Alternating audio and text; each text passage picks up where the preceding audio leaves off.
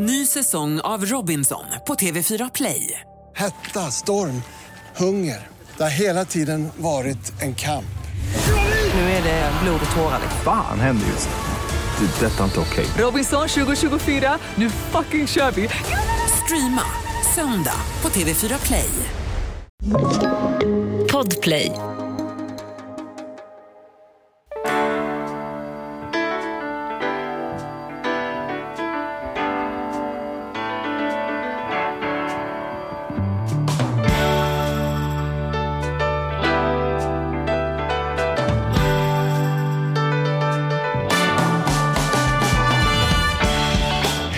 Och hjärtligt välkomna till Ekonomi på riktigt med Charlie och Mattias. Och jag är så jädra laddad idag. Helvete vad fort det går. Jag är så pepp. Det låter som när jag pratar. Men vet du vad? Den här Mm. dagen som jag har längtat i ungefär en månad. Jaha. Mm. Vad, Och är det, vad är det? Ja, Vad men är det det? är Vad väldigt starkt kopplat till vår gäst idag. Därför Ja. att gästen och jag känner ju varandra, men vi träffas alldeles för sällan. Eh, Vilket är hans fel. Ja, det är bara hans För han fel. bor ju i Barcelona. Han valde ju att flytta till Barcelona, Ja. då får man ju lite skylla sig Ja, själv. den piken får du ta. Ja, eh, så- nej, men så. Och då har vi tänkt, ja, men det, det finns flera saker kring det här, men vi ska ha en, en sån här hel, hel dag kan man säga. Så att efter det här så ska vi dra och käka lite grann och sen så ska vi gå på, Petter är ju då vår gäst som vi snart ska eh, presentera. Är också ute i, i branschen tack vare sitt, vad ska säga, sitt jobb och nya jobb i föreläsnings, eh, vad ska jag säga, lite Hålla låda-branschen. Hålla låda-branschen. Och ni som har lyssnat på podden tidigare vet vem Claes Hallberg är, så vi ska gå och lyssna på Claes Hallberg. Sen har jag lite andra klienter som också är i hålla låda-branschen. Ganska som, hård eh, gästlista. Vågar Ja. du nämna några som ska följa med ikväll? Nej, men sen har vi en dig? till av våra poddare, David Phillips ska jag haka på. Yes. Therese Alshammar, Ja. den gode simmerskan. Ja, har vi inte haft i podden faktiskt. Nej, det har vi Nej. inte. Då kanske, Nej. vi ska, då kanske jag ska fråga henne ikväll. Det kanske du ska göra. Ja, Mm. men vi är ett skönt gäng som ska, ska ha väldigt kul. Så jag är, jag är superpepp. Ja. Och nu så fick jag se den, den solstrålen från Barcelona komma in här. Så hur fan, alltså, det är Men kan är du tänka dig att vi ändå gör podden som vi tänkte? Ja. Innan ni drar iväg och grejer. För att podden känns ju som ett... Ja, det är lite han, är, han är inte bara här som någon förfest utan han är på riktigt där för att han är intressant Ja. för våra lyssnare. Självklart är Ja, det så. Men ja. när han ändå är här så vore det ju hål i huvudet att passa på. När man festar festar man och då festar man rejält. Det är exakt Så det. är det. är så vi tänker. Mm, ja, precis så. Men Mm. vi brukar börja med en sån här liten hej och välkommen-applåd. Du brukar göra lite cirkusdirektörsrösten. Ja, det. Och då låter det så här. Och varmt välkommen direkt från Barcelona inflygen till Stockholm, Sverige, Petter Hörnfeldt.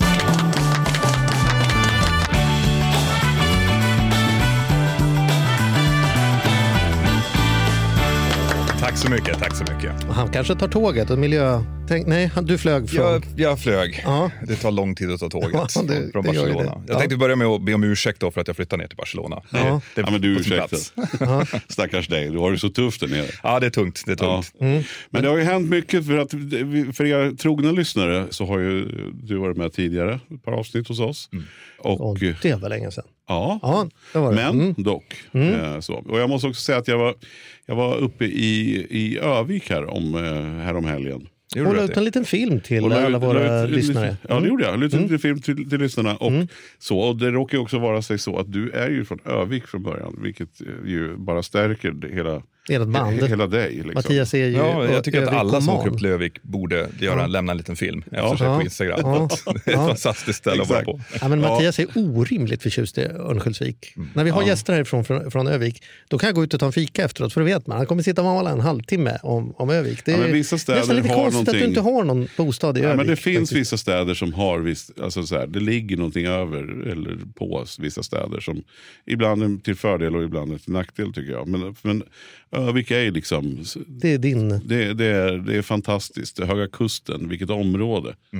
Det är, ja, jag älskar den stan. Och jag vet Mm. inte riktigt varför. Sen är det ju inte minst därför att jag håller på Modo såklart. Alltså, det gör ju inte saken Det kan sämre. ha någonting med saken De har, att göra. de har ju starka Ja. kopplingar de där, Örnsköldsvik och Modo. Ja. Ja. De har ju hyfsat starka Ja, kopplingar. får ni googla. I alla fall, nu var det ju inte dagens tema vare sig Örnsköldsvik eller Nej, men lugn, men jag håller på att samla ihop det. Eller hockey. Jag är på väg. Jag är på väg. Okej, jag lutar mig tillbaka. Därför det som var kul var att när jag stod där i, i Örnsköldsvik och vi var på en liten för, förhistoria för att jag har en kompis som fick sin tröja hissad i arenan. Niklas Sundström, det var väldigt rörande och väldigt, väldigt vackert. Men innan det så var vi nere i nya området där, hamnområdet. Petter nickar här och ser, vet vad jag pratar om. Ett ställe som heter Strandkaj som är en jättefin restaurang där. Och Då när jag står och beställer ett glas i baren så kommer det fram, eller då står det redan en kille och pratar med bartendern. Så att jag stod och väntade tills hon skulle prata klart. Men då vände han sig om i alla fall till mig och så sa han, men hej, så här, du, jag, jag, jag vill bara säga att jag har lyssnat på alla era avsnitt. Och det var typiskt en Öviksbo att ha den feelingen. är det någonstans Alltså, alla i händer? Örnsköldsvik Nej, men jag var så stolt på... och så glad. Du, för att många säger titta på tv, det kan, det kan folk ha gjort. Men, men man blir så oerhört varm och glad när någon har lyssnat så mycket på Ja, men det håller jag med om. En podd- En poddlyssnare slår ju högre än en tv-tittare. För mig också. Om Just det, jag ska lägga ut en säger- bild på denna mycket trevliga man som vi jag hade en, en kort pratstund med. Och det var Övik. Så på tal om då, han känner ju väl till Petter eftersom eh, Petter har varit med tidigare. Men för er som inte varit med så kan man säga att du har, eh, det har hänt faktiskt ganska mycket trots att det hade gått väldigt, väldigt bra för dig inom både flygbranschen och det du nu ägnar dig åt. Men nu har det ju liksom accelererat ännu mer. Och för er som inte vet då så är du en pilot, flygkapten i grunden som har startat en YouTube-kanal för ett antal år sedan. Vad säger du själv att du är om du går på ett mingel? Och så Vad är din titel? Liksom? Vad skulle du säga att du är? Nu börjar det att skifta lite grann. Mm. Tidigare sa du pilot. Tidigare så var, det, så var jag trafikpilot. Ja, och nu säger du att du är... Och nu så säger jag fortfarande att jag är trafikpilot. Aha. Men jag säger också att jag, att jag eh, jobbar lite inom, inom social medier. Mm. Så att eh, det börjar liksom Fast det är ju skifta. en ren lögn. Är? Du är ju någon inom sociala medier som också är lite trafikpilot. Alltså, Fast, fast det bygger ju, allt, allt jag gör på sociala medier bygger ju på att jag är, eh, på att jag är en professionell pilot och att jag har varit det under dryga 20 år. jo, jag förstår. Men om vi räknar flygtimmar och, och eh, timmar sociala medier, var spenderar du huvudsakligen av din tid idag? Ja, just nu så är det ju mest på sociala medier. Ja. Det är det. det är absolut. Det är, det, är, det är framförallt, jag skulle vilja säga att det är mer Alltså när man säger att man jobbar på sociala medier så, så dyker liksom influenser upp i huvudet på folk. Mm. Men det jag jobbar med är ju att försöka förklara flygbranschen för folk Mm. helt enkelt. Så att jag använder sociala medier som det det är, ett medium. Ja. För att, för att liksom kunna utbilda folk och förklara hur saker och ting fungerar. Och så. Det, det är tanken med det. Så att i huvudet så är jag ju fortfarande en pilot som förklarar vad jag gör för någonting. Mm. Vilket jag tror är ganska viktigt att skilja på de två sakerna. Det är ju alltid väldigt coolt när man snör in på kanalen när det är någon som kan ett, ett hantverk väldigt bra, kan väldigt mycket om det och som kan beskriva det från insidan. Det finns ju flera. Så jag kan, det får man inte, ja, äh, jag säger det, jag kan ibland fastna på sådana här läkare som är experter på typ så här vaxproppar i örat eller konstiga bölder. Alltså så här, det kan komma och så har jag en period när jag blir totalt fascinerad av att se hur, det är inte för att det äcklar mig utan mer bara för att jag blir intresserad. Och så bara snöar man in i det en stund och sen så kommer man vidare på någon jägare som visar liksom 62 olika sätt att liksom sätta upp fällor och grejer. Jag tycker det är jättekul. Och så kan det vara pilot ett tag. och. Har du några sådana där hemliga experter du följer Mattias som, som kan någonting precis lika mycket som Petter kan om pilotflygbranschen som du liksom så smyger in? Har du någon smygbransch? Nej, jag har, det, Det är pilot. Nej, ja, jag följer ju Petter bara för att det är Petter. Alltså, Mm. så. Men, men, men det är ju... Nej, jag kan inte säga. Annars är jag inte så intresserad av, av flyget. Förutom att det är väldigt fascinerande. Alltså, Mm. Flyget är ju en fascinerande grej. Hur kan, en, hur kan liksom 70 ton flyga iväg någonstans? Alltså, det kan jag så här, rent Ja, du är fortfarande, det var du några år sedan också, också. fortfarande där på att du tycker att det är orimligt att flyg kan flyga. Ja, men, nej, men så här, det, jag tycker att det är fascinerande i sig. Det har man väl alltid tyckt. Men, Mm. men i övrigt är det inte så. Men det är ju nu. Nej, men annars är det ju matkanaler för mig. Just det. Jag tycker det är väldigt kul att titta på mat och dryck. Men, men eh, det annars är jag inte sådär jag Nej. hemskt mycket på sociala medier faktiskt. Nej, men, nåväl, men vi vill ju prata om det som du kan absolut bäst och det är ju flygbranschen. Ja. Ska vi börja med eh, liksom, det pilotyrket? Hur är det att vara pilot idag? För det blir ju strejker med jämna mellanrum och det pratas om hemska villkor, säger någon och någon annan säger att man cashar in 80 000 i månaden och borde inte gnälla när det finns undersköterskor. Alltså, så här, hur är pilotyrket? Om man, kan man säga något generellt om hur mår piloten idag? Ja, alltså, eh, det, det man kan säga är att väldigt mycket har hänt under de senaste tre åren i och med pandemin. Flygyrket var någonting innan pandemin och är lite grann någonting annat efter. Och det är väl just för att eh, det liksom visade hur, ja, men hur sårbar branschen faktiskt är om någonting sånt här händer. Och alla flygplan helt plötsligt står på backen och får göra så i sex månader, ett år, två år. Man vet inte riktigt. Så att eh, hur det är att vara pilot har blivit lite, lite grann annorlunda. Det var väldigt jobbigt under de där åren för väldigt många. Därför att, att, att vara pilot är, först och främst kostar det väldigt mycket att bli pilot om du ska självfinansiera utbildningen, vilket de allra flesta gör. Vad kostar det att bli pilot om, idag om jag skulle vilja Runda slängar en miljon. en miljon egna skattade pengar jag behöver lägga in och som jag då behöver ha samlat på mig på lämpligt vis Ja, inte så jävla lätt om man är ung och ska bygga en karriär. Nej, och det, utan det har ju väldigt mycket byggt på att ja, folks föräldrar har tagit lån på huset. Mm. Eller nu, nu finns det, här i Sverige framförallt, så finns det ju CSN-berättigade flygutbildningar och det, Mm. det underlättar ju massor. Är, de, det är är, de då svåra att komma in på för att de, det är många som vill det? Till viss del kan det vara så. Det är, jag, jag kan inte svara exakt på hur, hur svårt det är att komma in på just de utbildningarna för att jag har ingen koll på det. Mm. Ja. Men det har varit så, att jag kom ju in på en skattefinansierad utbildning själv. När jag gjorde, och det var ju ett tag sedan nu. Och det var ju väldigt svårt. Då var det bara 30 platser i landet som man kunde söka om. Men är det här lika runt om i världen? Alltså, är, är de allra flesta självfinansierade runt om i världen? Ja, det, äh, den, de absolut flesta är självfinansierade. Det kostar lite olika i olika länder. Det finns fortfarande vissa flygbolag som utbildar folk från början. Och sen så, så kommer en pytte, pytte, pytteliten del in via militärt, alltså som har flugit jaktflyg. Ja, just det. Stridsflyg. Ja, ja, Stridsflygplan, för det, när jag var liten så var ju det min bild av hur det gick till. Att man sökte till flygvapnet och sen så gjorde man sin tid där och sen så blev man trafikpilot efter det. Det, det, det dök upp för mig som så som jag trodde att man gjorde för att bli pilot. Ja, och det var ju det. Det var väldigt viktigt, alltså, framförallt i Sverige. Det, man, det folk inte förstår är att Sverige hade ju ett av världens största flygvapen under 50, 60, till och med in på 70-talet. Och därför så fanns det ju Nu var det inte då jag gjorde Lundberg, bara säga det, så jävla gammal är jag inte. Så att. Nej, men det- hade ju du nästan gjort det. Ja. Precis, men det är ju det, är ju det som har kommit med. Ja, det har ju skapat ja, det har bilden, skapat utav bilden av att det är så det är ju liksom det som är ryggraden utav, Mm. utav framförallt SAS, kommer ju, från, kommer ju därifrån. Så att det är därför folk tänkte att det var så. Men Mm. de allra flesta självfinansierar. Så då har man det, att det är dyrt att bli det. Och sen så har du ju att, att, att jobba som pilot är bra, hyfsat bra betalt i de allra flesta flygbolag. Men problemet är ju att man jobbar i sådana tider att det är ganska svårt att ens partner då jobbar också. Så de allra flesta hushåll där du har en pilot så är det ju en inkomsttagare. Och den andra eh, kan inte jobba eller kan bara jobba väldigt korta timmar och så om man ska ha barn och ta hand, kunna hämta på dagis och, och skjutsa på träningar och allting sånt där. Så väldigt ofta så blir det så att det blir en inkomst som är ganska hög.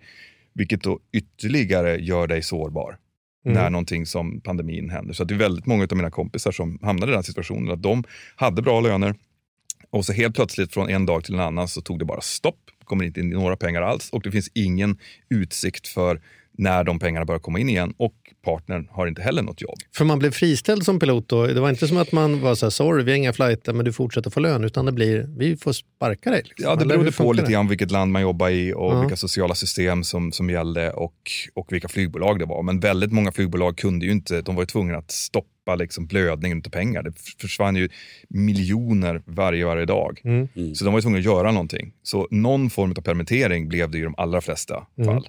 Mm. Så det var jobbigt. Och, och det, så det innebär att nu när, vi, när, när flygbranschen då kommit igång igen så har dels piloterna fått en ny, de uppskattar sitt jobb på ett helt annat sätt. Nämligen att det är schysst att ha det här jobbet och tjäna de här pengarna och göra det här.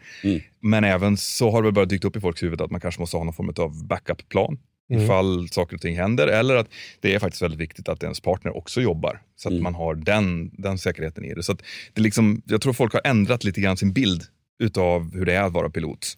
Om man jämför med restaurangbranschen, då var det ju väldigt många som blev uppsagda och permitterade och grejer som jobbade där och som använde de här åren för att omskola sig och liksom byta karriärriktning. Så man kanske, ja, man fick en spark i baken och göra en förändring för att kunna vara hemma mer på kvällarna och så vidare. Inte helt olikt, även om det är helt olika lönenivåer.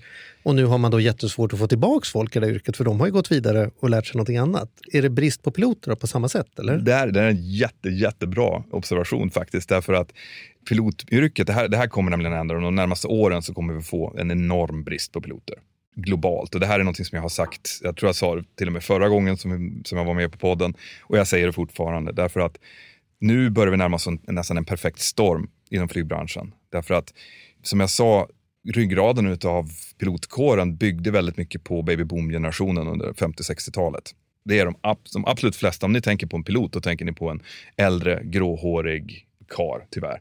Och det har varit så. Under lång tid så har det varit de, det var, den absolut största delen av pilotkåren har varit de här 50-60-talisterna. De går i pension nu.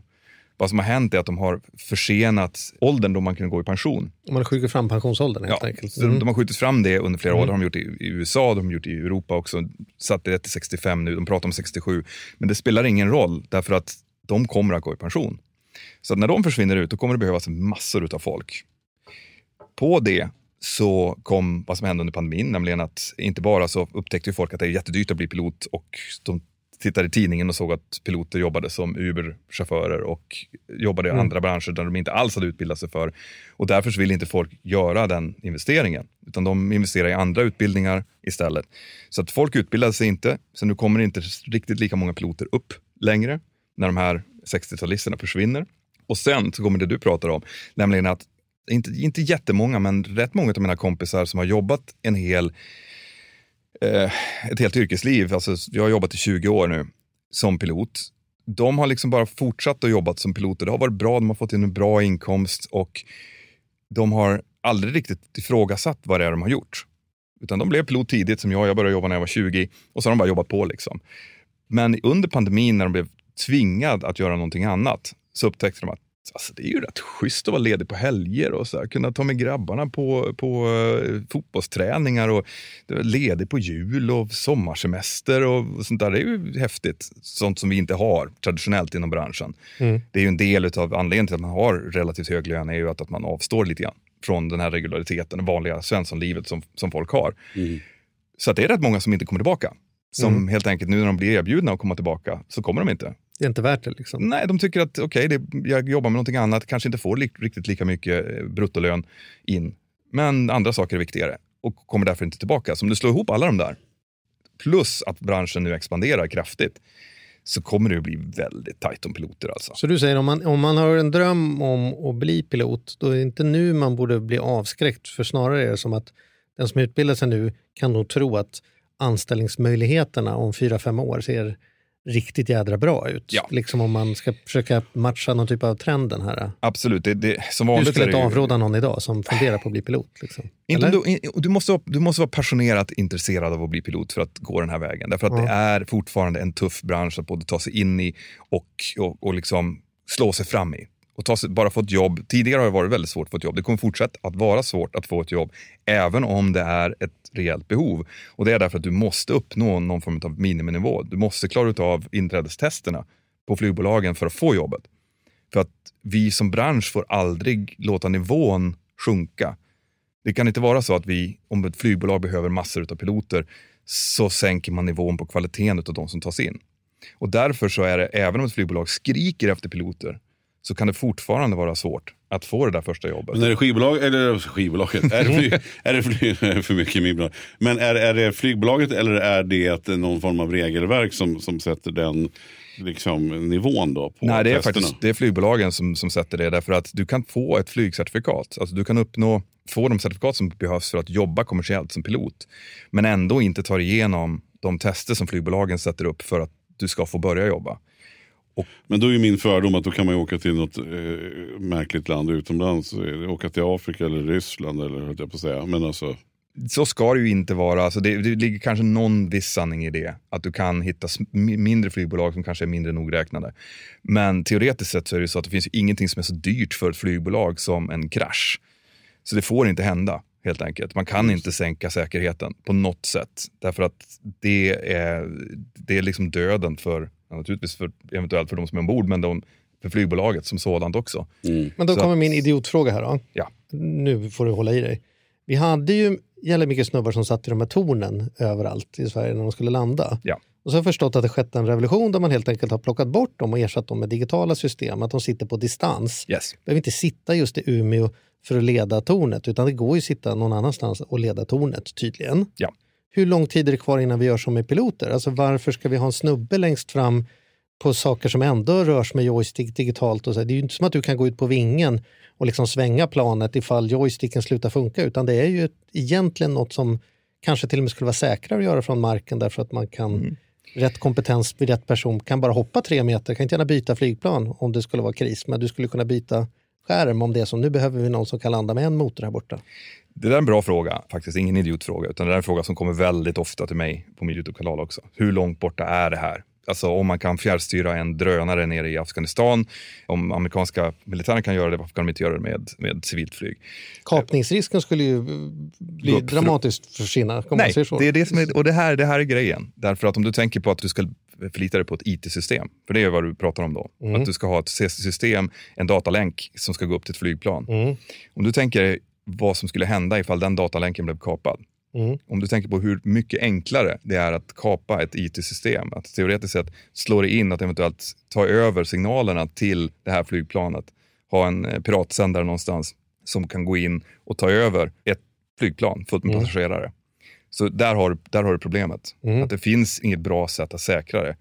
Sitter det någon i cockpit, som, som vi har nu, med en låst dörr, så är det de som kör. Liksom. Det finns ingen möjlighet att någon går in och fjärrstyr det där flygplanet. Och du ska säga att det är det som gör att vi fortfarande har piloter på planen. Egentligen skulle vi, liksom om vi hade litat på att ingen skulle kunna kapa signalen, då hade vi kanske haft ett säkrare system utan piloter. Det, eller? ja, vad som hade hänt då, ifall de skulle kunna komma upp med ett system där, där någon kan gå in att, och styra, då skulle, man, då skulle jag kunna se en väg fram mot en pilotsystem. Där man har en pilot som sitter som en eh, redundant, eller som, som flyger och ifall Mm. den piloten får en hjärtattack eller någonting händer så kan någon komma in och fjärrstyra som ett redundant system. För det måste, det. det måste alltid finnas ett backup-system. Mm. Eh, Men det låter väl nästan som att det skulle vara säkrare att ha en i planet och en på land ifall någonting skulle hända, än att ha båda i planet. Och det där finns ju, där pratas det om. Det, det man pratar om då är att använda någonting som, som kallas för dispatchers, där du har en, en pilot, alltså en pilotutbildad person som sitter nere på backen och som hjälper flera flygplan samtidigt. Mm. Och därför att under de, de delar av flyget där man flyger en route på väg någonstans så händer inte speciellt mycket. Utan det är när man är på väg att börja sjunka och ska in för inflygning och så där, det är då man behöver vara två. Och då skulle en sån här person kunna dela tre, fyra flygplan och ta hand om de som hade de här lite mer intensiva perioderna när det behövdes. Så de här diskussionerna har funnits, men de, de faller alltid på att i vilket fall som helst så kommer du måste ha en länk där någon kan styra flygplanet remote. Men om, men om vi säger så här, vi, vi ska inte gå in på massa teknik här, men, men det är då intressant. Skulle man, vi säger nu att vi flyger mellan eh, Barcelona och, och eh, Stockholm. Ja. När du är mitt, mitt emellan och sen så händer någonting med er båda. Alltså, Om du har knappat in i den här autopiloten, jag ska till Arlanda. Liksom. Rent krasst, skulle, skulle planet landa på Arlanda om ni, om ni bara la er ner och eh, sov? Nej, Men om ni får en stroke, två stycken, och Mattias och jag sitter i, skulle vi kunna sätta på oss dina hörlurar och bli nedpratade som den klassiska filmen? Har vi en sportmössa och kunna landa Jag har ju- liksom... Jag har ju frågat dig någon gång om du skulle kunna prata ner mig. Alltså om du satt i en om jag satt vid planet. det roliga är att jag gjorde ju en video på min kanal med Tom Scott, Ja. med en stor youtuber som heter Tom Scott, Mm. där jag gjorde precis det här, där vi Mm. testade det här. Och faktum är ju att det går. Det går, men det, det blir inte, det blir inte så, så trovärdigt med tanke på att han kommer aldrig att ta sig in i cockpit. Cockpiten kommer att vara låst. Så Ja. att, Och det eh, finns inte ens någon, det här, jag förstår att det här är säkerhetsgrejer som inte man kan prata om, men du menar att inte ens en, någon annan i flyg, någon, någon fly- flygpersonal kan, kan öppna liksom? det här är så, sånt som jag inte får prata om. Ja. Helt Mm. enkelt. Så att Mm. när, när, det kommer, när det kommer till, till safety så finns det väldigt, väldigt klara direktiv för vem och hur man får tillgång till cockpit.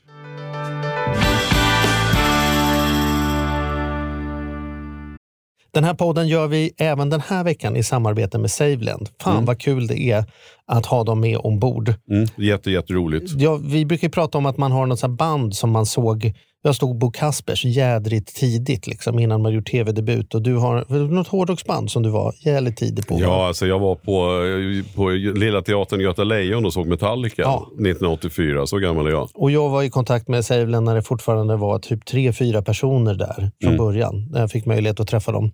Eh, och nu är de ett stort bolag, fyller tio år, finns på börsen och jobbar helt enkelt med att vanliga privatpersoner och företag kan investera pengar eh, i eh, lån och krediter. Så man får riktigt bra ränta. Så eh, det rullar på efter tio år, bättre än någonsin. Fantastiskt kul att ha dem med här i podden. Gå in, testa, kolla. Vi har en kod som gör att om du öppnar ett konto och använder på riktigt får du dessutom en insättningsbonus just nu. Precis, och vill man veta mer så som sagt gå in på saveland.se. Man kan också lyssna på Ludvig som har varit gäst i vår podd två gånger. Får Ja. man en ännu bättre inblick i Ja. vad, vad det är de pysslar med egentligen. Men eh, ja, saveland.se och stort tack. Ett poddtips från Podplay. I fallen jag aldrig glömmer djupdyker Hasse Aro i arbetet bakom några av Sveriges mest uppseendeväckande brottsutredningar. Går vi in med hemlig telefonavlyssning och, och då upplever vi att vi får en total förändring av hans beteende. Vad är det som händer nu? Vem är det som läcker? Och så säger han att jag är kriminell, jag har varit kriminell i hela mitt liv men att mörda ett barn, där går min gräns. Nya säsongen av Fallen jag aldrig glömmer på Podplay. Det är en tv-serie nu som heter Kapningen som går på eh, Simor som jag börjar titta på. Eller, ett tag, jag vill ju, bara för att jag minns här, planet är kapat. Sen. När, jag, när jag var liten så var det några flygplanskapningar, kommer jag ihåg. Mm. Sen har det, det känts som en icke-fråga ganska länge. Tills, alltså efter 9-11 då när man låste och allt sånt där. Är det, är det snarare är det den här teknikfrågan som Charlie nämner som är läskig nu? Eller, eller är det säkerheten? Alltså, är det, med tanke på världsläget, är ni, Kapas några flygplan? Ja, men alltså, är, är ni mer alert så att säga nu när, när, när det är krig och skit och allt som händer? Liksom? Absolut mer alert. Absolut. Kapningar som sådana är ju inte, alltså det har ju i princip försvunnit. Och det är ju delvis därför att vi, har, vi ser det helt plötsligt som ett mycket större hot än vad det var. Innan 9-11 så var det ju eh, så var det mer så att någon tog över flygplan, eller flygplanet och sa att nu ska landa någonstans. Jag vill åka till Libyen och, och, och liksom, ni måste landa ner och, eller jag vill ha en Ja precis, det var ju lösensumma. koppling av en annan karaktär. Exakt, liksom. det, det handlade ju om politiska kapningar, och- och, vilket var naturligtvis en stor grej det också. Mm. Men det handlar ju inte om att, att konvertera ett flygplan till ett vapen, som Mm. det blev efter, efter Just det. 9-11. Så därför så har ju, har ju liksom säkerheten gått upp enormt, både på kanske den mest viktiga sidan, vilket är den förebyggande sidan på flygplatserna och se till att, att folk inte kan tas ombord med vapen och med bomber och liknande. Det har ju, det har ju gått upp otroligt mycket Mm. under de senaste 30 åren. Men även att få tillgång till, till, eh, till cockpit. Så att, eh, sen när du pratar om krig så, så är det, det, är ju, det är ju något som är ganska nytt för oss här i Europa, att det pågår ett krig nära. Och det har ju inneburit att vissa luftrum är helt avstängda, så vi inte går i närheten utav.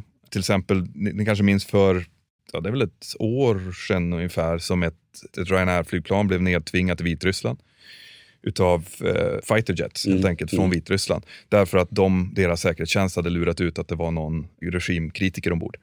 Så de skickade upp sina fighters och tvingade ner flygplanet i Vitryssland och plockade ut av den här killen. Och så sen fick flygplanet fortsätta. Sjukt. Och efter det, det var, ju, det var liksom innan kriget började. Så efter det så har ju luftrummet över Vitryssland helt stängt. Därför att det, är så, Och jag vet, det, är, ju- det är ju en svär, svärfar ringde och svor, han kom hem från Thailand för någon vecka sedan. Och, i fan, då fick han sitta två timmar extra för att de fick flyga runt. Liksom. Ja, visst. Rysslands eh, luftrum är ju avstängt för de allra flesta eh, Mm. västerländska flygbolag. Så det är ju nya grejer och på det så är det ju att sådana saker som, som att militären kan ju spoofa GPS-signalerna. De kan ju se får till att... prata sen, spoofa. Ja, spoofa, det betyder att de stör ut signalen. Om du, Mhm. När du är ute och kör din, din bil så kopplar du upp den mot en GPS för att hitta någonstans. Mm. Och vi använder ju liknande system, även om vi har även backup-system för hur vi navigerar. Mm. Men eh, militären, om de kör en, någon form av operation, kan ju, kan ju gå in och störa ut de här signalerna. vilket orsakar problem för kommersiell navigation. Mm. Och det är ju sånt som pågår absolut runt omkring Ukraina till exempel och Ryssland. Just. Just, inte för att styra ut, ut er, utan för att störa ut andras missilsystem och, Exakt. andra såna- och då blir ni påverkade i bara farten.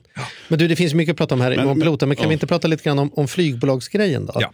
Vi läser ju om att ingen flyger längre därför vi hade en pandemi och sen har vi haft flyg, liksom miljöperspektivet på minskat flygande och så vidare. Och så tänkte vi, behöver inte ha en Arlanda kvar nästan och typ inte fanns någon säkerhetspersonal och grejer.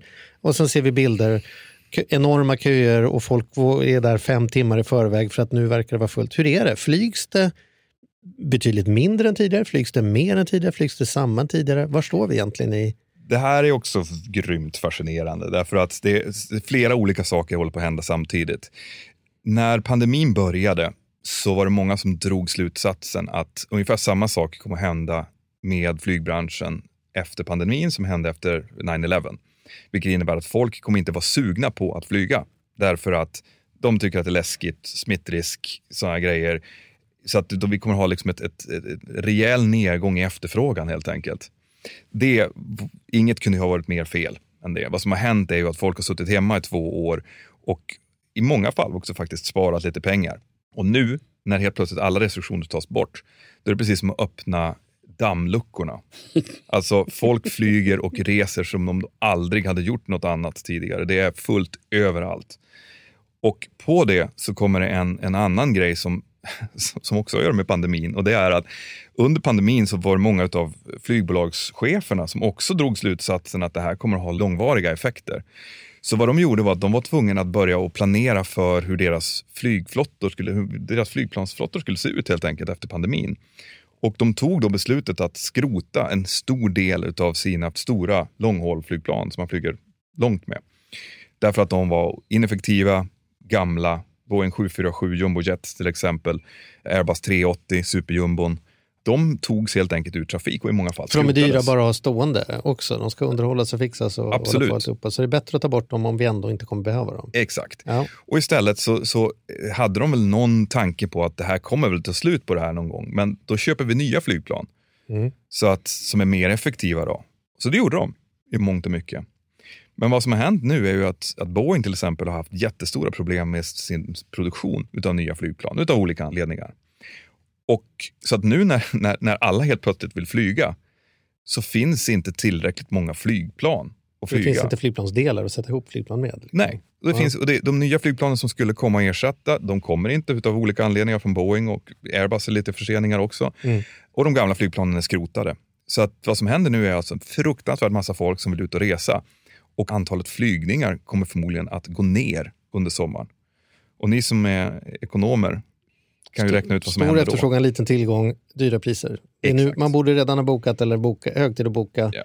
Även om det, men, men vad hände, men vad hände då? Så man, ändå var det så här, SAS höll på att gå åt skogen och andra saker. Om det är så stor efterfrågan, vad är det som gör att det är så svårt att få ihop flygaffären då? För det verkar ju som om, jag känner i alla fall, jag som fortfarande flyger en del, att det är liksom lite som när man köper lägenhet, att man kollar på bostadsrättsföreningen ekonomi. Det är nästan så att man, man googlar lite, hur står det till med det här flygbolagets ekonomi för att veta, kommer den här biljetten vara värd någonting om tre månader? Eller har de gjort en Norwegian då, bara flyttat alltihop till ett utlandsbolag och så visar det sig att mina biljetter inte existerar längre men bolaget finns kvar och så SAS och bla bla bla. Liksom, är, det, är det så jävla svårt?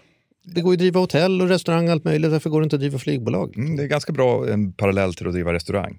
För att en av våra senaste gäster pratade ju just om hur stora eh, liksom vinstmarginaler som man har när man driver restaurang. Mm. Och där har du problemet med flygbranschen, att det är väldigt små vinstmarginaler generellt sett. Du måste ha en fruktansvärd koll på dina kostnader. Om du har bra koll på dina kostnader och du har kunnat köpa in flygplan hyfsat billigt, passa på när det har varit till exempel pandemi eller som det var efter 9-11 och så vidare och köpa in massa billiga flygplan då eller leasa in då och du kan hålla kostnaderna fruktansvärt låga. Då kan du, då kan du liksom tälja fram en bra marginal och där, om du får upp tillräckligt stora volymer så kommer du att kunna tjäna mycket pengar. Men om du inte gör det, om du inte har koll på dina kostnader, kostnaderna har, har stigit under flera år och du har kanske du kör i samma gamla liksom spår som du alltid har gjort. Det har ju varit problemet framförallt för SAS. Att SAS är ju ett gammalt, ett gammalt flygbolag helt enkelt som egentligen var statsfinansierat under större delen av sin existens. Och sen har de ju liksom byggt upp en kostnadsstruktur som, som är för hög. helt enkelt. Allting kostar för mycket pengar. Allt från skrivarpapper till, till eh, liksom deras kontor. Nu har de väl gjort sig av med det, men allt kostar för mycket pengar. Då försvinner de där marginalerna och då tjänar du inga pengar. Så att det är egentligen inte svårare än så. Nej men precis. Men då, då kan man ju ändå, för, för det är det man inte har förstått ibland, de här flygpriserna när de har varit så här extremt billiga. Ryanair till exempel, när man Mm. har så här 199 till London. Det fattar ju alla. Så där, det, där Det måste vara en förlustaffär, Det, det, måste, det måste ju vara en förlustaffär. Den, den, den biljetten är en förlustaffär. Men den bygger ju på att du ska dra in folk som sen kommer betala betydligt mycket högre biljettpriser än så. Därför Mm. att de har bestämt sig för att de ska flyga. Och sen så stiger ju priserna. Liksom, du, det där är ju lockpriser. Mm. 99 kronor, det är klart, det, det, du kommer inte betala flygbränslet för den som taxar ut på banan. Liksom. Men de som betalar kanske 60-70 euro eller 700 kronor, 900 kronor, 1300 kronor och de sista priserna är ju uppåt 3000 kronor för en sån Ryanair-flygning också. Där, där dras det ju in pengar. Plus allting runt omkring. Men hur ser, liksom, om, om vi tar en flygresa, Mm. hur mycket kostar olika saker? Hur mycket är piloten och besättningsmännens lön? Hur mycket är avbetalningar på flygplanet? Hur mycket är bränsle? Liksom, kan vi få någon uppdelning i procent? Liksom? Ja, nu, nu är jag ju inte flygekonom ska sägas. Men det är på ett Nej, du ungefär... är så här- närmare mig i alla fall. Ja, Eller jo, men alltså flyg, bränslet brukar väl vara eh, mellan en tredjedel och hälften av kostnaden. Mm. ungefär. Och så sen kommer ytterligare en tredjedel är väl eh, personalkostnader. Då. Mm.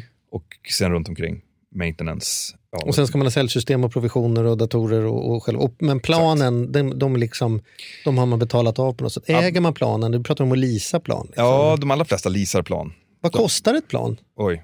Det, det där har jag kollat. Det, där, det här är också rätt roligt. Att går ut och titt, om du frågar Boeing så kommer de ha ett så kallat listpris. Ja. Så nu måste jag översätta ifrån dollar här. Men säg att en, en ny 737 kostar kanske 130, alltså 30, ja nej vänta nu. Runt 100, 100 miljoner ungefär. Runt 100 miljoner kronor Ja. kostar flygplanet. precis. Ja. Det är till och med mer än så. Men, men i alla fall, de listpriserna är betydligt mycket högre än vad, de, vad flygbolagen sen betalar Mhm. när, de, när de väl köper, för de köper oftast i bulk. Ja, tänkte, Ryanair, Ryanair var det inte så länge sedan man gick in och köpte 200 plan. Eller någon gång. Sådär. Och då klart att det blir andra priser. Exakt. Och det är väl därför de också kan hålla andra priser. E- Ja, exakt. Det bygger, för där, där kan du bygga upp marginalerna. Mm. Alltså om du får flygplanen betydligt mycket billigare, och, eller om du leasar dem till ett, till ett betydligt mycket lägre pris, så kommer du det går ju direkt in på din marginal på slutet. Liksom. Men, men då ska jag switcha lite grann här. För vi var inne på kostnader, vi pratar bränsle. Och då undrar jag så här, hur mycket flygbränsle, när, när du sitter där uppe då, alltså nu, nu tar vi igen Barcelona till, Mm. till, till Stockholm. Hur många ton bränsle så här, mellan tummen och pekfingret går, går på en sån? Det, vi drar ungefär 40 kilo per minut. 40 kilo? Är Så det, en, en normal är det så viskositet som att det är ungefär en liter per, per kilo? Typ? Något, precis, något lägre viskositet. Men säg att det tar 50 liter då, i minuten ungefär. Mm. Och det, det är ganska bra. Det är ungefär dubbelt så mycket när man stiger, ungefär hälften så mycket när man sjunker. Så tar du 50 kilo, på, och det är en 737 då. Ja, och hur långt är det då mellan, alltså, nu får du bara sätta upp fingret i luften, men hur mycket hur många liter går det från Barcelona till Det Arlanda? är fyra timmar va, ungefär? Ja, precis. Det är tre och en halv timme drygt. Så det är Det är 210, 210 minuter gånger 50 gånger liter. 50 liter. Så där har du det. 10 ton 10 ton. ungefär. Och hur 10 många ton. sitter i snitt på ett sånt flygplan då? Är det fullt så är det 189 Mm.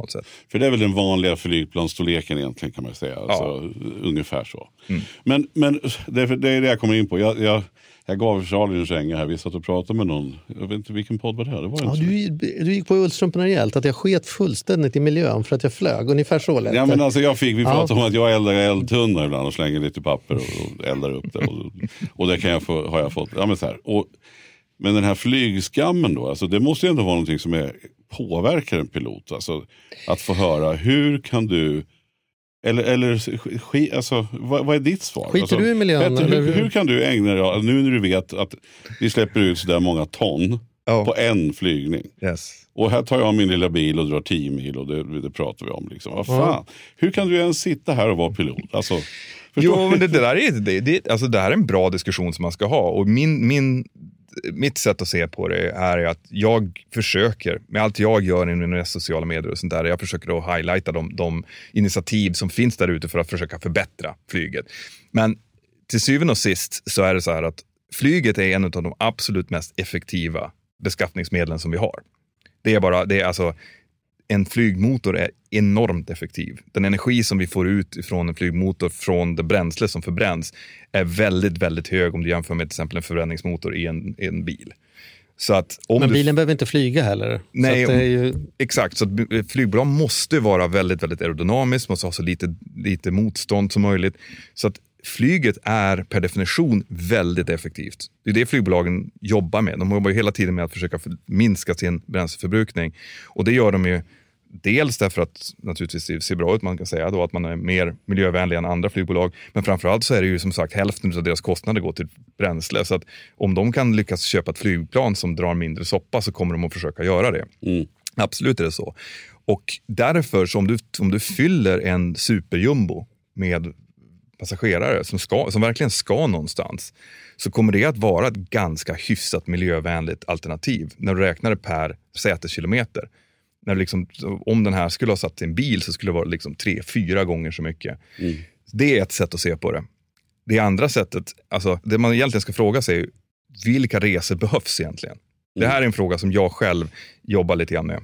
Alltså att behöver man åka på en shoppingtur till Milano till exempel över helgen? Eller, I de allra flesta fall inte. eller vill över. Ja, exakt. Så att det här är egentligen frågan. Om det är så att folk verkligen ska flyga eller ska ta sig de här kilometrarna, då är flyget ett bra alternativ. Men om flyget skapar ett resande som egentligen inte behövs, då är det inte ett miljövänligt alternativ. Och det är ju här som flygskammen kommer in lite grann. I Sverige, för det första så är det ett uttryck som nästan bara finns i Sverige och i Skandinavien. Det är ingenting som man pratar om i Spanien eller Italien. Är eller så? England, nej. Så är det. där bränner de ju soporna på bakgården också, precis som du Ja, gör, men jo, lite grann så är det. Och, men däremot så diskuteras ju då på, alltså på bolagsnivå så, så pratar man ju om det här. Och där blir det lite mer spännande. Det är därför som jag, det, det kommer ju mer och mer initiativ om elflyg till exempel. även vätgasdrivning utav befintliga flygplansflottor. Och det tycker jag är jättespännande. Det, det är sånt Hur långt som, från är vi att vi kan flyga? Du skulle kunna flyga hem med, från liksom Stockholm, Barcelona med ett elflyg. mm, Hur, många, det, hur många år är vi ifrån? det kommer inte att gå Nej. med, med nuvarande teknologi. Det, det, det, det är helt omöjligt att säga. De batterier som finns inte, har inte den energidensiteten som krävs för att man ska kunna göra det. Det kommer att kunna gå att göra kortare flygningar. Alltså vi snackar ganska korta inrikesflygningar med små elflygplan. Men de allra flesta som, som jobbar med det här inom branschen, de går ganska snabbt över till någon form av hybridmodell. Därför att el, ja, som sagt, energidensiteten finns inte i batterierna och att föra över det till, till eh, flygmotorerna är också ett problem. Men det sa man ju lite grann om bil, bilbranschen också. Tänk, tänk en dag om man kommer att åka elbil. Yes, men men batterierna skillnaden. väger för mycket, det kommer aldrig gå, sa man. Nu går det ju. Men ja, det går och det är på grund av det jag pratade om tidigare. Att det är som fruktansvärt, alltså en, en förbränningsmotor i en bil är så ineffektiv. Så att där, där gick det att göra den övergången. Mm. Men f- i flygplanen, alltså flygplanen är så effektiva. Så att få ut den mängden energi ur ett batteri för att faktiskt driva en, en 737 till exempel, går inte idag. Det går inte att lyfta batterierna som krävs för att du ska kunna göra det. Så att här, och det här jag brukar reta mig lite grann på den här diskussionen, därför att det är så enkelt att peka på flyget som en miljöbov. Så bara, titta där, du ser en lång strimma som går där upp i luften. Uppenbarligen så kastar den ut en massa skit i atmosfären. Det här är inget bra. Liksom. Och det är det inte. Men det finns så mycket annat som vi borde fokusera på. Om det nu är så att målet är en mer miljövänlig overall mänsklighet. Containerfartyg Men- men som ja, går precis. på råolja. Liksom. Sånt Men som då kommer, är vi in, enkelt. då kommer vi in på, på den frågan som jag också tycker är så här, för att om jag ska till Spanien då, om vi liksom ger mig den. Du vill över. Om, om vi säger nu att det finns faktiskt poäng att jag tar mig på Spanien, då, då väger jag ju exakt de kilona jag väger. Ja. Och jag flyger alltid med handbagage, men jag kan ju häpna över shit vad mycket grejer folk har med sig. Att det, är liksom, de är ju, det är inte liksom att en 80 kilo snubbe tar 80 kilo, utan han tar ju 80 kilo till. Mm. Man ser de där bagagebanden där folk tydligen står liksom, det är helt sjukt vad vi tar med oss grejer. Och då har jag tänkt på en sak specifikt som jag tänkte på senast jag flög som jag tyckte var konstigt. Man köper ju gärna sprit liksom på flygplatsen för att den är billig där, för att det är någon typ av taxfree-system. Det gör man ju inte därför att flygplatsen är taxfree. Egentligen är det ju luften som är taxfree, men man för enkelhetens sagt man sagt, men vi räknar in flygplatsen när det lyfter. Varför har vi inte tvärtom? Varför räknar man inte in flygplatsen där man landar? Då skulle jag slippa flyga tre liter whisky från Cypern till Stockholm och istället hämta den på Arlanda. Så- För den har ju åkt från Skottland till Cypern och nu åker den från Cypern till Stockholm helt i onödan. Jag borde väl kunna handla när jag, när jag kliver av istället för att flygplanet ska ha 100 kilo meningslös eh, dricka, om, gin ombord. Men Varför har kan du inte det? Är det inte? Har de inte börjat med det att du kan beställa, att du kan köpa ombord och att det finns när du kommer? Och I vilket fall som helst så var det länge sedan jag såg någon köp, köpa sprit på det viset och ta med på flygplan. Oh, det tycker jag brukar vara såna här vakuumförpackade påsar högt och lågt. Men det, Ja, det, inte men där uppe i kabinen där du sitter, men bak i turist. Jo, jo, jo, men, med- men det har du rätt i, det är, full, det är ju hål i huvudet. Men det finns många sådana regler. Som, Som alltså, att jag också tycker så här, det här är ju liksom, det är klart att vi kan göra mycket saker, men det skulle vara så enkelt att bara Ja. säga, nu gör vi om att man kan handla när man landar. Men ändå så är ju flyget en du miljöbov också. Jag bara känner så här, tror du att man backar för att vara pilot? Att man skäms lite? Alltså, eller är det mest i Sverige och varför är det så då? Alltså, Nej, men svenskarna är ju, vi har kommit ganska långt med att, tänka, helt enkelt vara medveten om, om saker och tings miljöpåverkan. Och därför så är det väl just i Sverige som det är en stor grej. Jag tror inte, nu är det så att de som vill bli piloter, de är ju precis som jag, de blev väldigt tidigt intresserade av det. Och visst, det påverkar säkert, det är inte, det är inte kul att, att liksom ha den miljöpåverkan. Men det är på något sätt underordnat det man vill göra. Jo, men sen så rättfärdiga sig. Det, det man tycker och hör sig, det är väldigt många som pratar om flygskammen. Det är många som tänker miljövänligt och sådär. Men sen när det kommer till kritan så ser man att de i alla fall är ute och åker flygplan och man ser bilder från Instagram och Thailand. Och det, liksom, det känns ju jävligt okonsekvent just, just med flyget. Jag tror många bestämmer sig kanske för att göra, man, går och, man, man källsorterar. Nu går jag till glaset och jag går till metallen och det är fantastiskt. Men det är, det är någonting med flyget som gör, som du säger nu, nu jädrar. Liksom. Jag hörde ju många under pandemin, många kompisar som sa så att nej, nu har jag faktiskt upptäckt svenska fjällen. Jag kommer inte behöva åka mer till Alperna. Det är bara onödigt och flyget drar soppa om man sålde in det för sig själv. Ja, vad ser man nu? Samma människor, nu är de ju där igen i Alperna liksom, och åker. Alltså, vi, är, ju- vi tycker ju om att resa. Det är ju liksom en, en lyx som jag tror den svenska medelklassen har ju på något sätt lagt till det som en del av sin identitet. Att man ska ha råd att åka på semester en gång om året liksom, och sin charterresa och så. så jag tror att det är väldigt djupt lodat i, i folksjälen att man skulle vilja göra det. Jag tycker att man ska definitivt tänka på vad man gör. Och kan man ta till exempel, det, det finns lagstiftning nu, eller lagstiftningsförslag i Frankrike om att man ska förbjuda inrikesflyg om det finns motsvarande förbindelser. Det kan jag tycka är en ganska smart grej. Alltså finns det fungerande tågtrafik mellan två stycken städer där du kan åka tåg fyra timmar, då är det oftast både miljövänligare och snabbare att ta tåget. För man landar också mitt i stan istället för Ja, exakt. säga vad man vill om Arlanda, men man har ju en bit kvar att resa sen då. eller Ja, du måste Landvetter ska vi inte prata om, det ligger inte vid Göteborgs central. Nej, exakt. Liksom. Du, måste, du tar ju liksom, det tar en 45 minuter ut och så ska du igenom Mm. säkerhetskontrollen, så ska du vänta vid gate och så ska du sitta vid flygplanet en stund och så ska du flyga så ska du ut igen. Så att inom alltså, fyra timmars resor med tåg, med ett snabbtåg, är både snabbare och miljövänligare Mm, att, att göra med Problemet tåg. är bara att det också är jävligt mycket dyrare och det stör ju skiten ur mig i alla fall. Och, precis, och det är ju vansinne. Där har, ju, där har ju politikerna någonting som de måste göra. Mm. Det måste då, om, man ska göra en, om man ska ha sån lagstiftning, vilket jag tycker är en ganska smart idé, ja, men då måste du ha pålitlig tågtrafik med hög frekvens, liksom, som dessutom inte kostar skjortan. Därför att uppenbarligen så kan ju, kan ju flygbolagen göra det ekonomiskt att flyga mellan Arlanda och Barcelona för tusen kronor. Mm. Och de tjänar pengar på det och alla är, är glada. Liksom. Men jag kan ju inte ta SJ upp från, från Arlanda till Sundsvall för mindre än tusen kronor. Vilket är fullständigt vansinne. Mm. Så att det måste ju läggas på politikerna. Om man nu ska, ska liksom försöka driva igenom det, men då måste det finnas alternativ. För folk kommer att vilja resa. Och det är här lite grann som jag, som jag stör mig lite på. Flyget är som sagt det är en väldigt tacksam sak att sparka på. Just därför att det ser ut som att det är väl, en stor miljöbord. När det i själva verket är en väldigt effektivt, effektivt sätt att resa om man nu ska göra det. Titta på de grejerna som verkligen har miljöpåverkan. Titta på som sagt elektrifieringen av eh, bilparken. Den är, det är jätteviktigt. Det är långt mycket större utsläpp Mm. än vad, vad flyget gör. Titta på fraktflottorna med, som sagt, med ehm, de stora fraktfartygen som, som bränner råolja liksom, när de åker. De, där, om det finns någonting som man skulle kunna gå över till, till exempel vätgasdrift. Problemet med vätgas, vätgas är någonting som pratas väldigt mycket om inom flyget nu. Vätgasen är ju först och främst ganska svår att hålla. Det är ju den minsta atomen vi har, så att den har en tendens att, att läcka ut genom alla Just det, den flyger iväg. Ja, precis. Det är väldigt svårt att göra en tank för vätgas därför att vätgasen har en tendens att komma ut.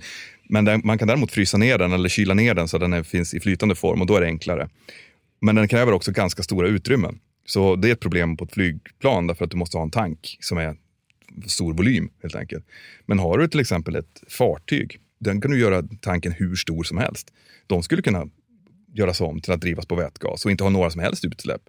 Men där, det är liksom mindre visuellt. Man kan inte titta på, titta nu har vi liksom elektrifierat eller gjort vätgasdrivna. Och det är så lång kedja med leverantörer så vi märker inte när Nej. vi köper ett par skor hur mycket diesel det gick åt att få hit skorna. Exakt, och det är massor. Massor, massor. Och det där, där om, om man skulle vara liksom, om du skulle sätta en teknokrat på att försöka lösa problemet med utsläpp helt enkelt. Det är ju där de som är intelligentast skulle lägga liksom sin energi på the low hanging fruit. Sådana grejer som ganska enkelt tekniskt sett att fixa. Men det är klart, nu är du lite part i målet. Jag menar, absolut. pratar vi, hade vi pratat med någon köttälskare hade han sagt så här, det är klart vi ska äta kött, det är bra för miljön, titta på flyget. Pratar vi flyget så här, titta på dem. Hade vi haft containerfartygen här hade de sagt, titta på uppvärmningen och hade vi haft uppvärmning hade de sagt att vi kan alla dra en stor stack genom och dela Absolut. ut. Men jag, jag, ni, alla branscher måste väl skärpa sig, det kan vi väl konstatera. Absolut, vi måste jag- skärpa jag- oss som konsumenter i alla branscher. Så är det. Men jag, jag, jag vidhåller ändå att när det kommer till att vara energieffektiv, Mm. så i sin natur så ligger det i flygbolagens intresse att vara så effektiv som man bara kan. Så egentligen där, där vi står emellan det är ju då att inte flyga eller att flyga som vi gör det i princip. Eller försöka hitta nya tekniska lösningar, vilket man hela tiden jobbar på. Och det, ju, det har ju flygbolagens alla finansiella incitament för att göra. Mm. Så att ja, flyget måste förbättras. Kommer man att kunna göra det hyfsat enkelt? Nej. Det finns andra saker som är enklare att lösa. Men vi, alltså flyg, flygbranschen kommer fortsätta att jobba på det, absolut. Intressant, tycker Ja, det här- jag. det här och, och, och då vi tar med oss då, för er som ändå vill, eh, inte vill höver, som behöver ut och flyga, boka biljetten. Du känner att det kommer bli eh, dyrare.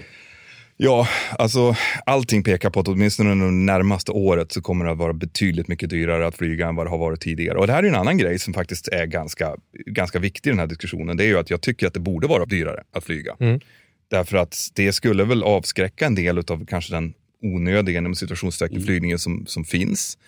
Och då skulle man även kunna betala för klimatkompensering, vilket jag gjorde nu när jag flög hit till exempel. Det kan, problemet kanske inte är att tåget är för dyrt. Det problemet kanske är att flyget är för billigt. Och med färre piloter, färre plan, dyrare bränsle så kanske det blir en, en liten typ av självreglering. Det är, liksom, Det är inte omöjligt. det blir, det blir Ja, dyrare. man kanske också skulle få veta lite mer transparent vad det är man betalar för, vad som är vad. Jag kan ju tycka också nu med, med matpriserna som det ser ut just nu är ju vidrigt när blöjor och barnmat går upp och det kostar liksom i inflation. Vi handlar som aldrig förr men just att, att handlarna höjer priserna. Säkert därför att de behöver, de får betala mer. Jag hänger inte ut handlarna i det här fallet men just att varan blir jävligt mycket dyrare. Och det kan jag tycka är okej på godis, läsk, sprit, tobak. Flyg. De här grejerna. Flyg, precis. Men att det då framgår också hur mycket kompenserar vi i det här. Och att ta flyget, ja visst det kostar men då får man också vara med och kompensera. Ja, absolut, det kan man lägga in i det. Så det finns väldigt många liksom, nivåer i det här, eh, sätt att tänka på det. Men, men ja, svar på din fråga är att jag tror att det kommer att vara dyrare inom de, det närmaste året. Framförallt eftersom flygbranschen håller på att försöka liksom, återetablera sig efter pandemin. Många flygbolag gick ju på knäna under pandemin och försöker nu att få tillbaka lite grann, alltså tjäna lite grann pengar här nu för att liksom balansera upp det. Så det har säkert att göra med en del med prishöjningarna som vi ser också. Härligt, och då kan jag också rekommendera att vill man veta mer, och om man är en flygnörd, jag behöver inte ens vara en flygnörd, så, så, så kan man bli och då kan man gå in på Mentor Pilot. Succékanalen kan man väl säga, minst sagt. Ja, på, på Mentor Pilot så pratar vi väldigt mycket om incidenter som har hänt, förklarar helt enkelt från början till slut vad det är som leder till en incident eller en, en flygolycka de få gånger som det faktiskt händer.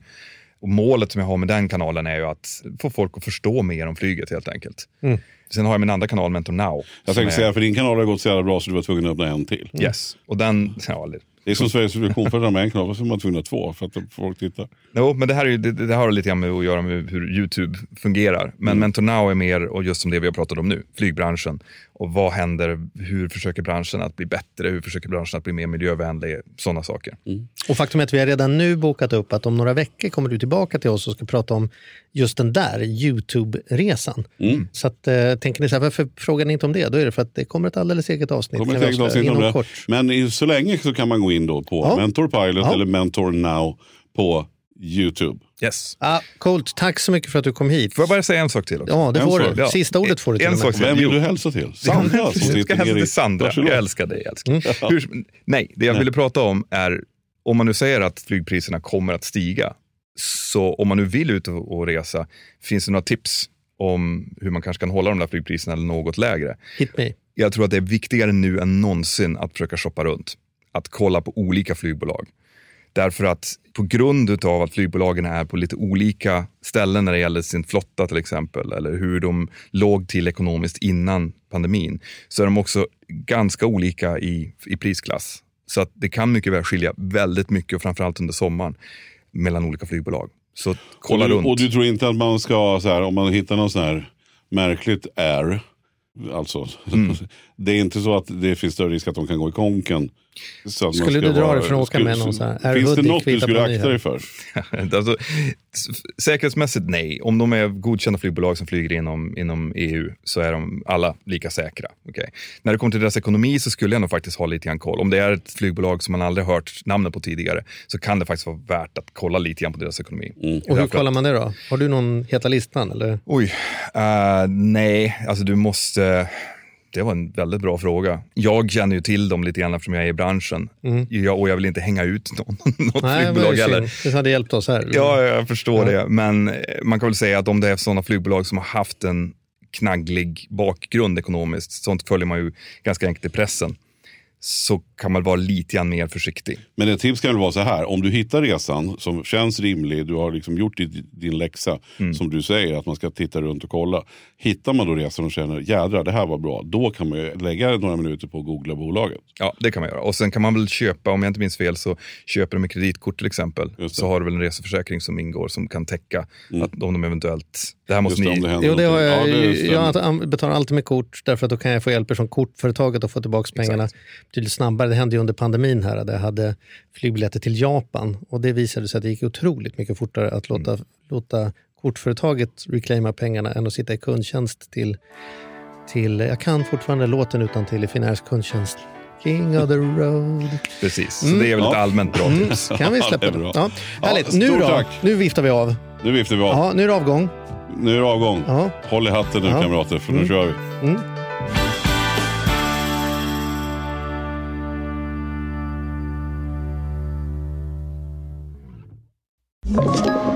Podplay. Ett poddtips från Podplay. I fallen jag aldrig glömmer djupdyker Hasse Aro i arbetet bakom några av Sveriges mest uppseendeväckande brottsutredningar. Går vi in med hemlig telefonavlyssning och, och då upplever vi att vi får en total förändring av hans beteende. Vad är det som händer nu? Vem är det som läcker? Och så säger han att jag är kriminell, jag har varit kriminell i hela mitt liv men att mörda ett barn, där går min gräns. Nya säsongen av Fallen jag aldrig glömmer på Podplay.